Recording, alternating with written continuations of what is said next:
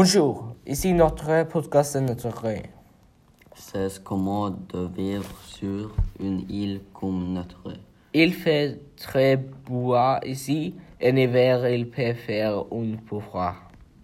Ou, comme il fait froid, Il peut avoir de la neige à des degrés moins. comment est-ce que un été? Il fait beau en été. On peut beaucoup nager. Quelle est votre activité préférée en été? J'aime beaucoup les excursions bateaux. Donc, j'essaie de voir, choisir quelque chose. Hmm, le, je les choisis. Est-ce que aussi un bon endroit pour se baigner? Oui, j'aime nager de poids la beauté à moi avec d'amis.